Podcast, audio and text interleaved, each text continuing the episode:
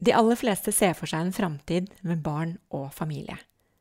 Hva skjer med parforholdet når det å få barn viser seg å være vanskelig? Og hvordan oppleves forholdet til venner og familie som stadig minner deg på at du bør vel få barn snart? Og hva gjør en voksen kvinne når livet må defineres på nytt fordi ingenting ble slik hun hadde planlagt og håpet? Dette kan du lese mer om i boken Barnløs Boken kan bestilles i bokhandelen.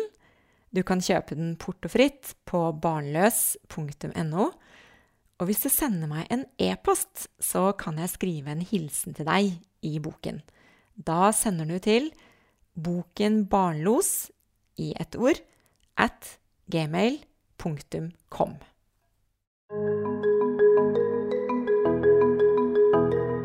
Dette er en podkast om barnløshet.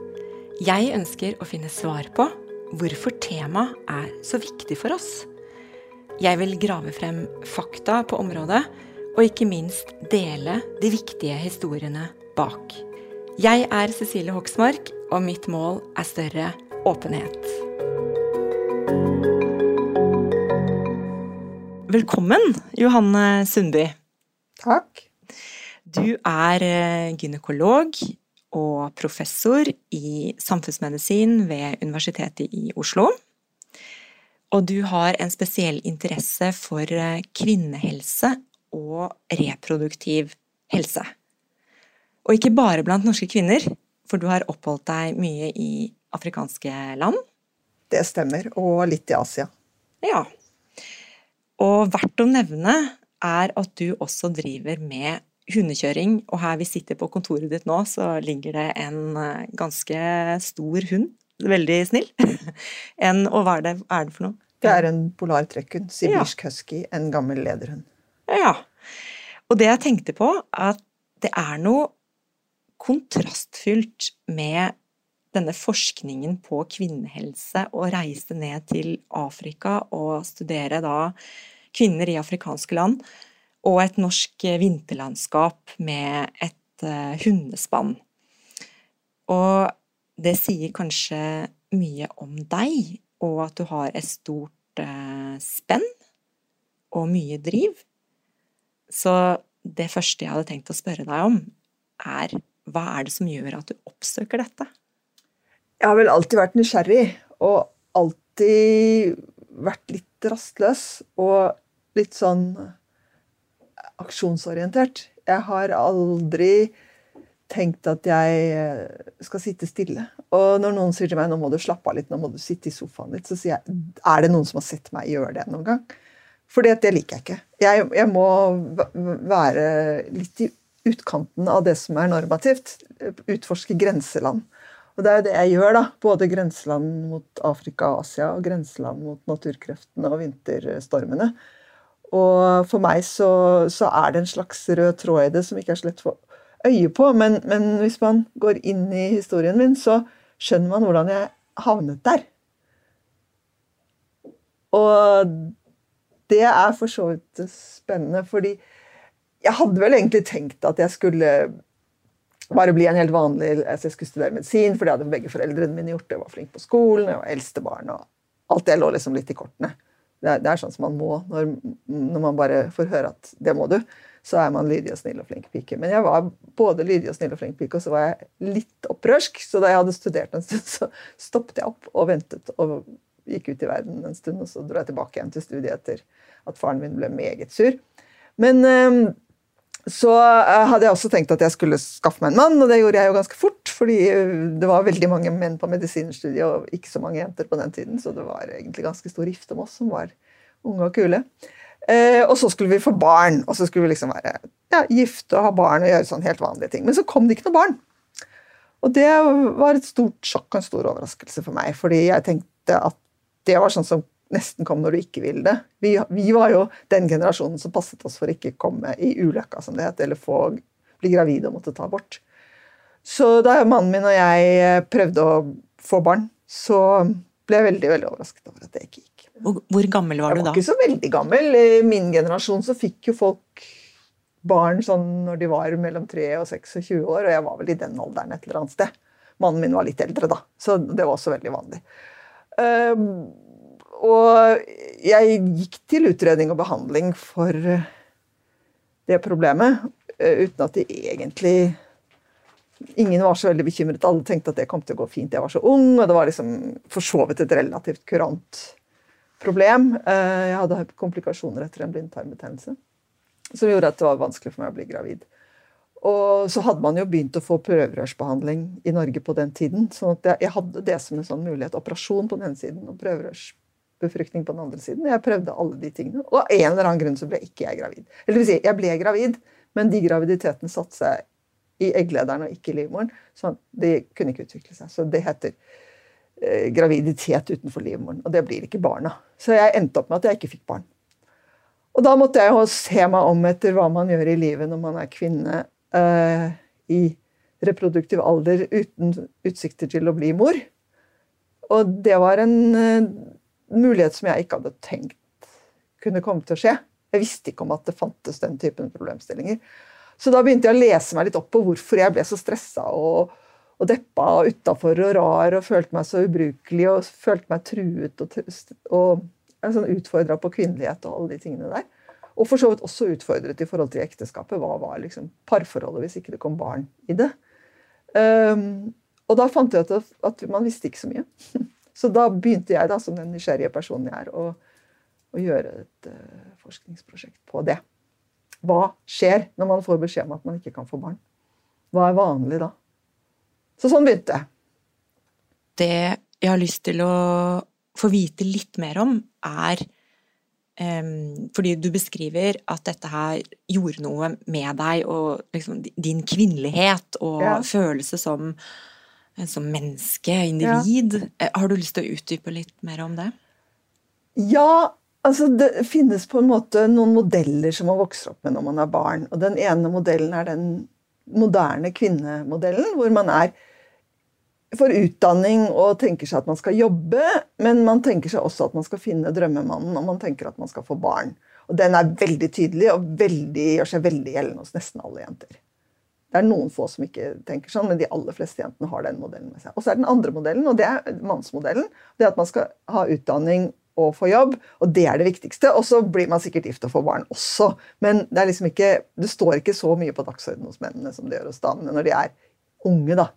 Og det var jo en av de tingene som jeg og mannen min strevde med. At han syntes egentlig barnløsheten var litt sånn Nå må du ikke mase så mye om det, og det ordner seg sikkert, og det går sikkert bra uten, og uh, liksom uh, Må du dette her? Mens jeg var veldig fokusert på det og ble veldig stressa at det ikke gikk, og var veldig opptatt av liksom, å få det til på den riktige måten og gå til alle de undersøkelsene man kunne, og være flink og lydig pasient. da. Og, og, det endte jo da med at vi skilte lag. altså rett og slett. Fordi jeg kunne ikke se for meg han og meg i en ikke-familiesetting. Og spesielt fordi eh, kanskje eh, reaksjonen hans ikke, ikke, var å se på det som så veldig alvorlig, mens jeg syntes det var veldig alvorlig. Da! Og brukte masse krefter på det. Mm. Mm. Og parforholdet som du også beskriver, hadde jeg også lyst til å prate litt mer med deg om. Fordi eh, det er jo vondt når man ikke blir sett og forstått på noe som er så viktig. Ja, det, er, det setter jo tingene litt på spissen. Og jeg har jo sett det senere også i min veiledning av andre par som strever med det samme, at ofte så går man ikke i samme takt og vil ikke samme sted.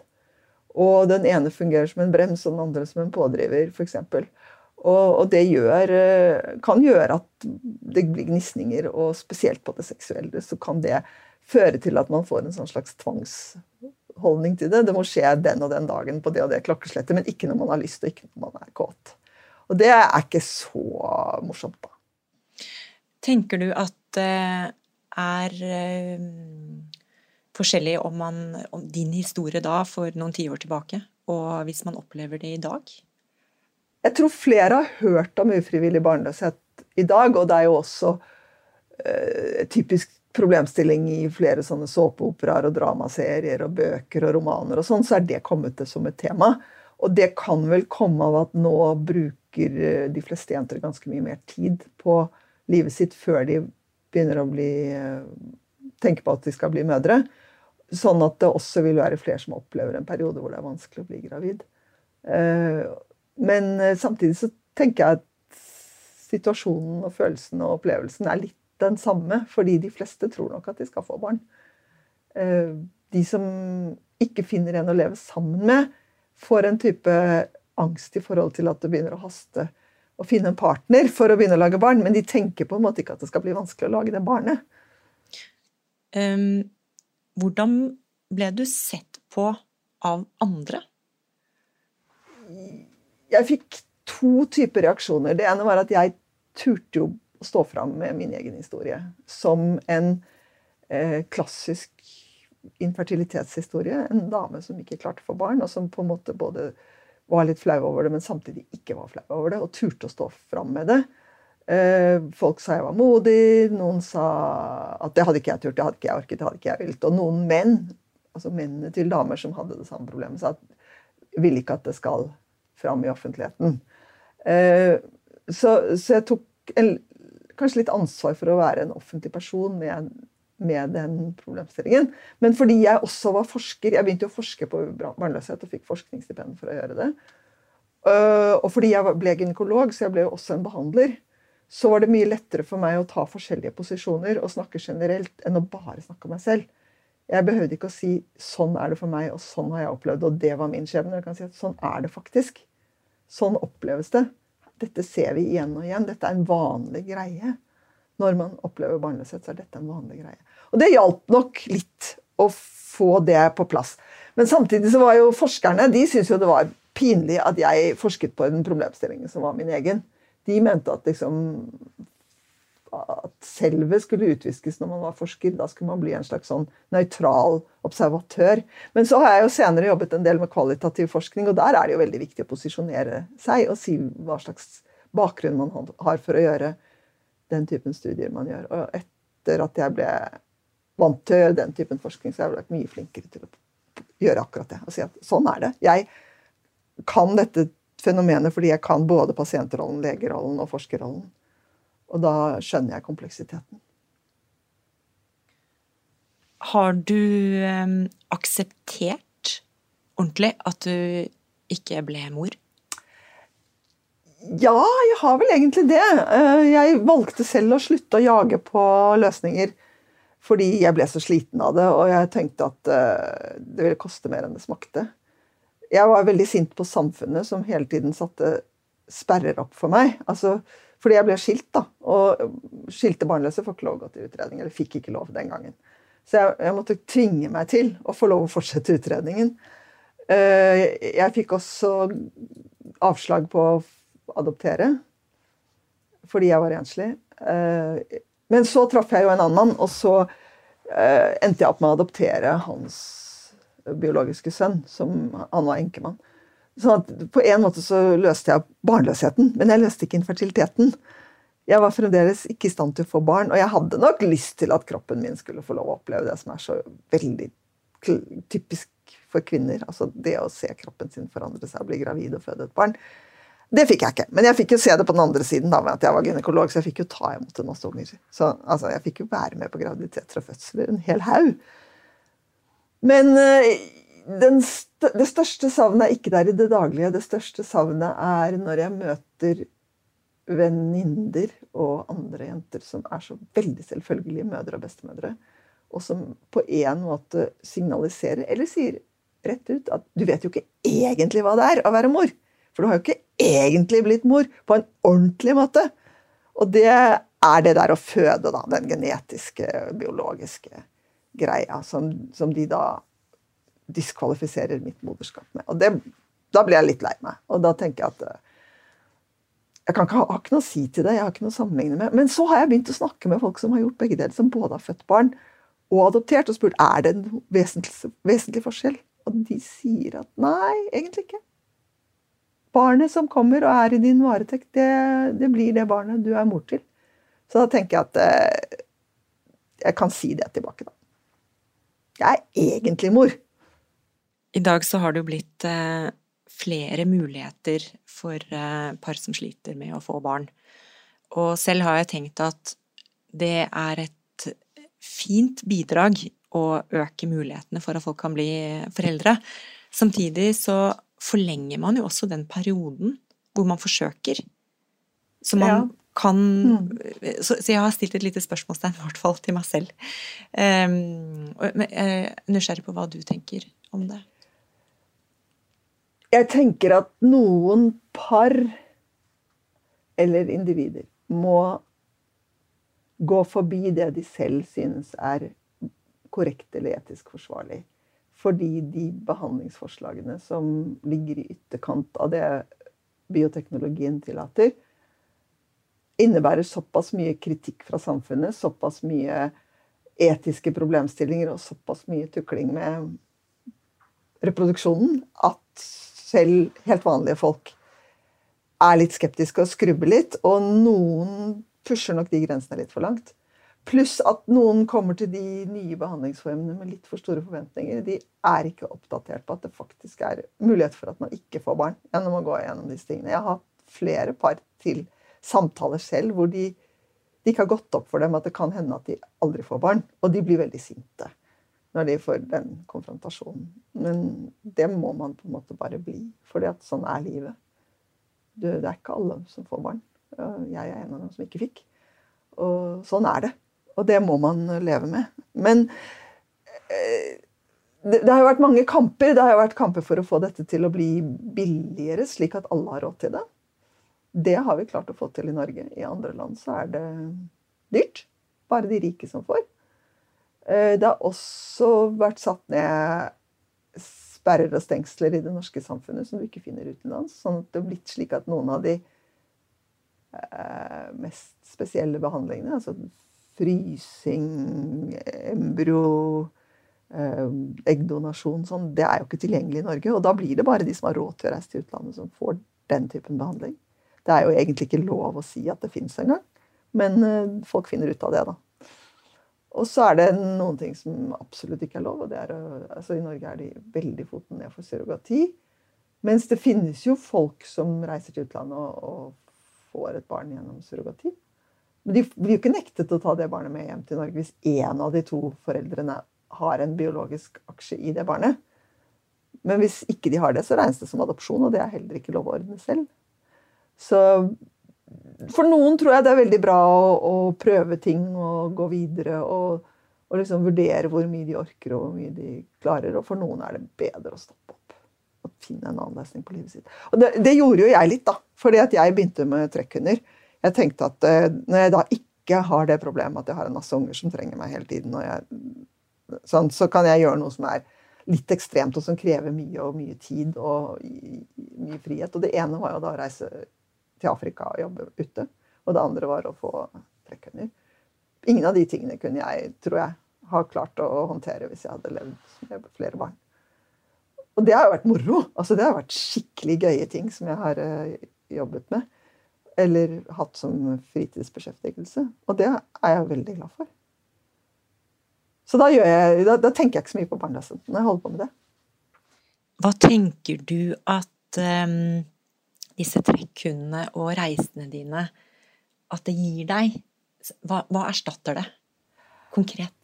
Altså, reisene mine er jo ikke ferier. Det er jo turer til land hvor kvinners skjebne i forhold til reproduksjon, både tilgang på abort, tilgang på reproduksjonsteknologi, til og med trygge fødsler, er dårlige. Og hvor kvinners livssituasjon også er eh, begrenset veldig mye. At de må bli mødre, og det er det. Og, og så, jeg har jo jobbet veldig mye i veldig mange år, både med infertilitet i u-land, med abort, tilgang på abort i u-land, og med trygge fødsler. Og det er en jeg kan si det er en slags feministisk drive i det. da. Det er en sånn forskning på et tema som ligger mitt hjerte nær, og som gir meg noe fordi eh, det åpner dører som jeg mener at alle kvinner bør ha tilgang på.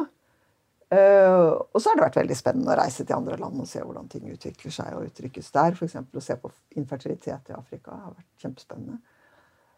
Når det gjelder hundene, så er nok det noe helt annet. De, de er nok litt barna mine, på den måten at de gir emosjonell respons. Og de krever eh, en slags sånn rutine av meg. Jeg må, jeg må hjem til dem.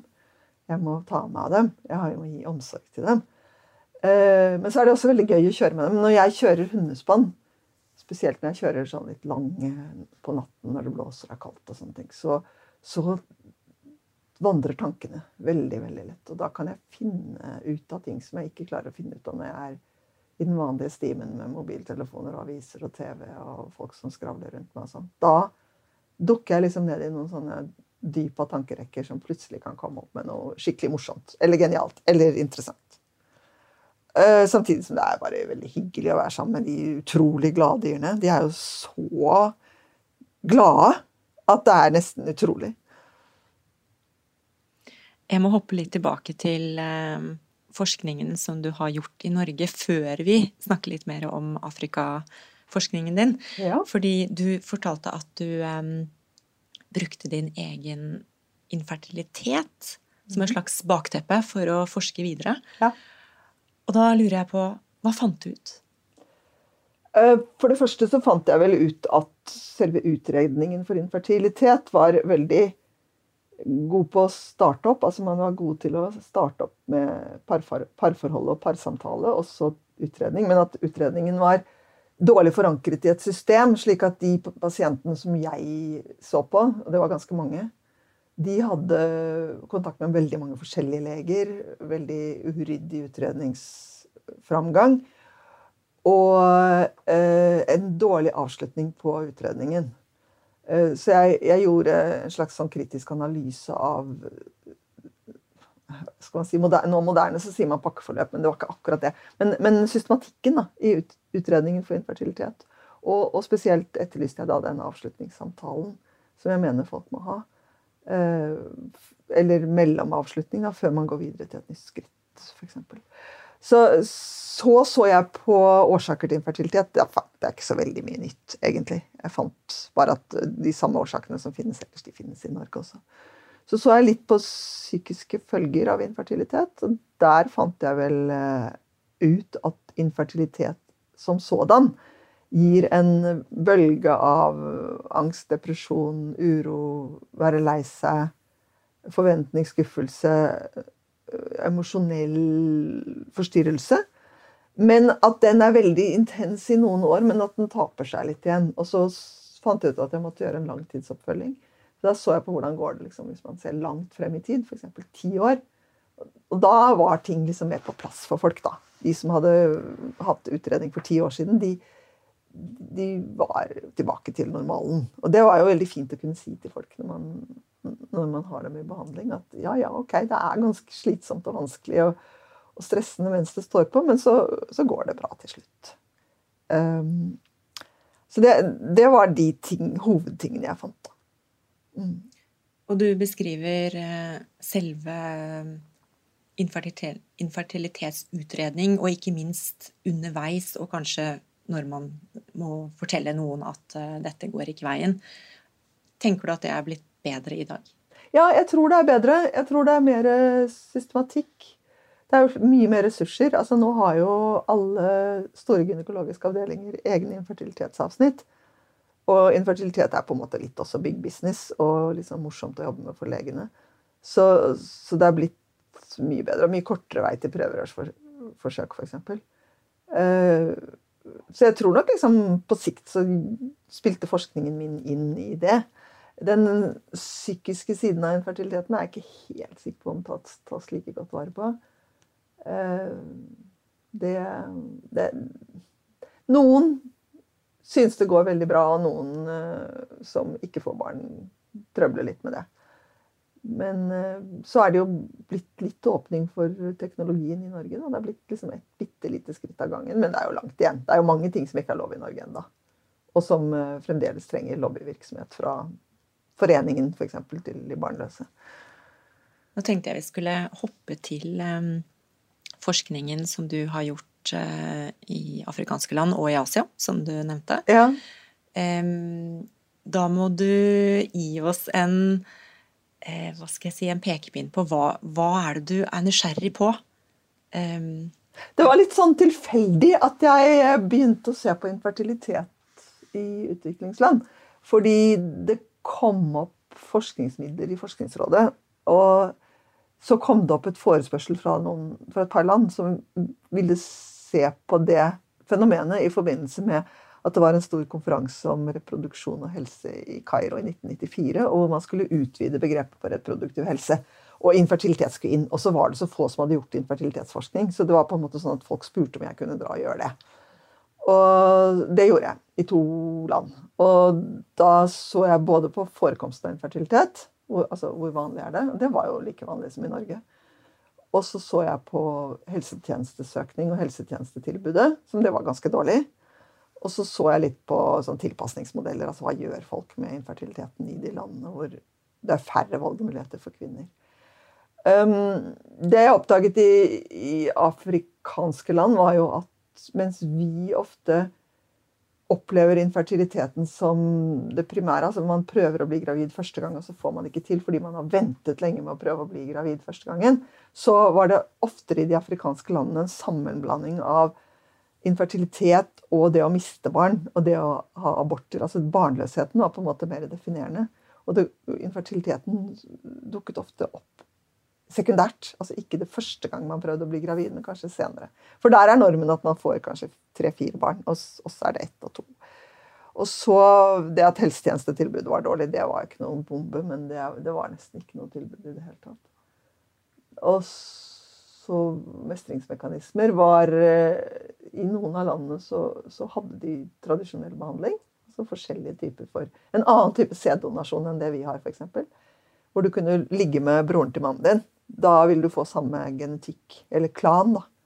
Så det, det var én ting. Og så uh, var det også mye religiøst.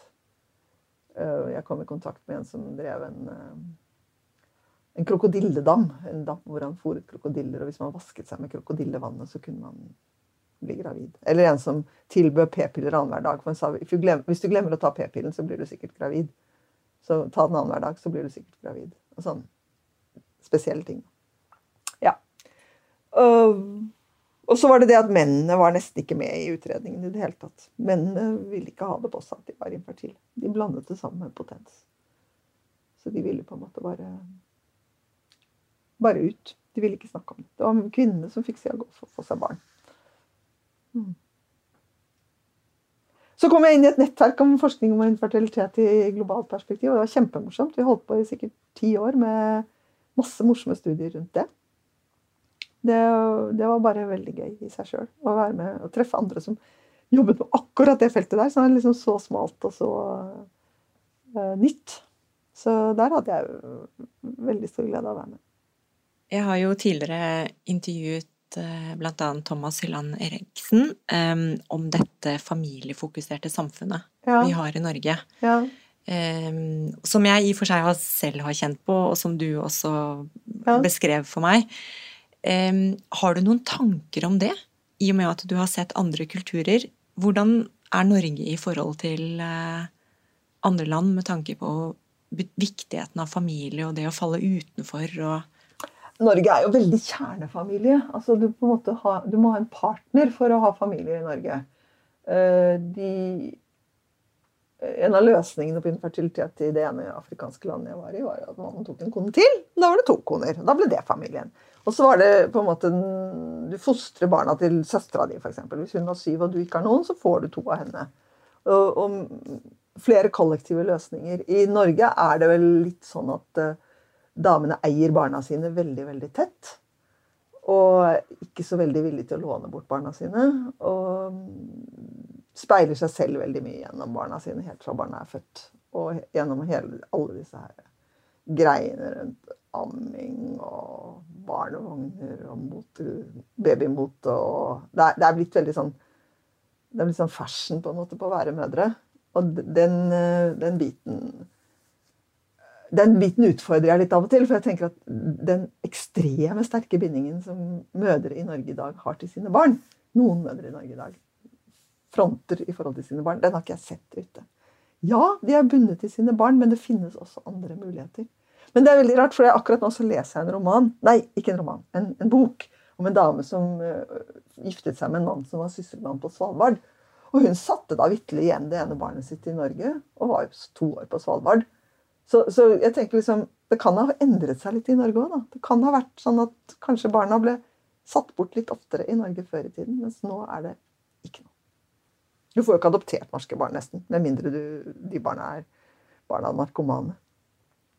Helt til slutt så hadde jeg lyst til å høre med deg um, om du syns vi har kommet langt, men nå svarte du på det eh, spørsmålet om eh, det familiesentrerte samfunnet, som kanskje betyr at vi ikke har kommet så langt. Da. Men jeg har, var noen tanker om at vi, vi burde ha vært mer åpne. Altså at vi burde ha ikke sant, med barnløse, ikke-foreldre, foreldre Altså vært et mer åpent, inkluderende samfunn. Mm. Har jeg i hvert fall tenkt på. Det er jo fremdeles vanskelig å snakke om barnløsheten. Altså det, er, det, er, sånn at Når jeg møter venninnene mine, så snakker de veldig mye om barna og barnebarna sine. Og jeg snakker aldri med dem om infertiliteten. Det samme gjelder for så vidt i familien min de snakker mye om barna og barnebarna og familiegreiene og alle de tingene der. Men det å være utenfor og ha en annen livsskjebne, det er ikke tatt med, liksom. Det er eh, jeg, jeg, tror at vi fremdeles Eller noen er litt truet av det at det faktisk finnes kvinner som er barnløse. Uh, og av en eller annen grunn så er det, jo, er det jo vært veldig mye fiendskap mot barnløshet. Barnløse er egoister, og barnløse er krevende, og de vil jo trekke, pushe grensene masse. og Samtidig som de aller fleste med barn vil jo ikke gi opp den identiteten i det hele tatt. Det er nesten det viktigste vi har. Det er å være mor eller far. Og det ser du på sånne avisintervjuer med kjendiser. og sånn, Hva er det viktigste i livet ditt? Ja, det er barna mine, og de gjør det bra. ikke sant? Ja, hva skal jeg si da? Det er at jeg gjør det bra på Finnmarksløpet. det er jo morsomt, da. Men uh... Hva ville du um, sagt nå, da, hvis du hadde et uh, barnløst par foran deg, og som du måtte gi beskjeden om at nå syns jeg dere burde legge bort dette her og se dere om etter andre muligheter? Hva ville du gitt dem? Det er veldig fort å bruke den metaforen med barna og badevannet. fordi at hvis man vil at relasjonen skal fortsette å vare, så må man bruke tid på å pleie relasjonen. Eh, og ikke kaste bort all energi og all eh, alle pengene sine på barnløsheten. Eh, på den annen side så er det jo noen som finner ut at ikke de vil leve sammen hvis ikke de får barn. Og da må de hjelpes til å kunne si det til hverandre. Jeg har opplevd det mange ganger òg, at folk dette sprekker. Men ikke, det sprekker ikke mer enn eh, andre, andre, parforhold. Men det sprekker heller ikke mindre. Det er ikke sånn at barnløsheten gjør at folk lever sammen for alltid. Uh, kanskje noe av det vanskeligste er når, den, når et barnløst par splittes, og den ene får barn med en annen etterpå. Det kan være veldig vanskelig for den som blir igjen som barnløs. Men uh, livet er uransakelig, så man, man kan ikke bestille et godt resultat. Man må ta det livet man får. Det er det jeg vil si. Man må ta det livet man får Man finner noen andre løsninger. Du, jeg vil gjerne takke deg for eh, et veldig åpent eh, intervju. Du har delt mye av din personlige historie og tankene dine. Ja. Så tusen takk. Det er bra.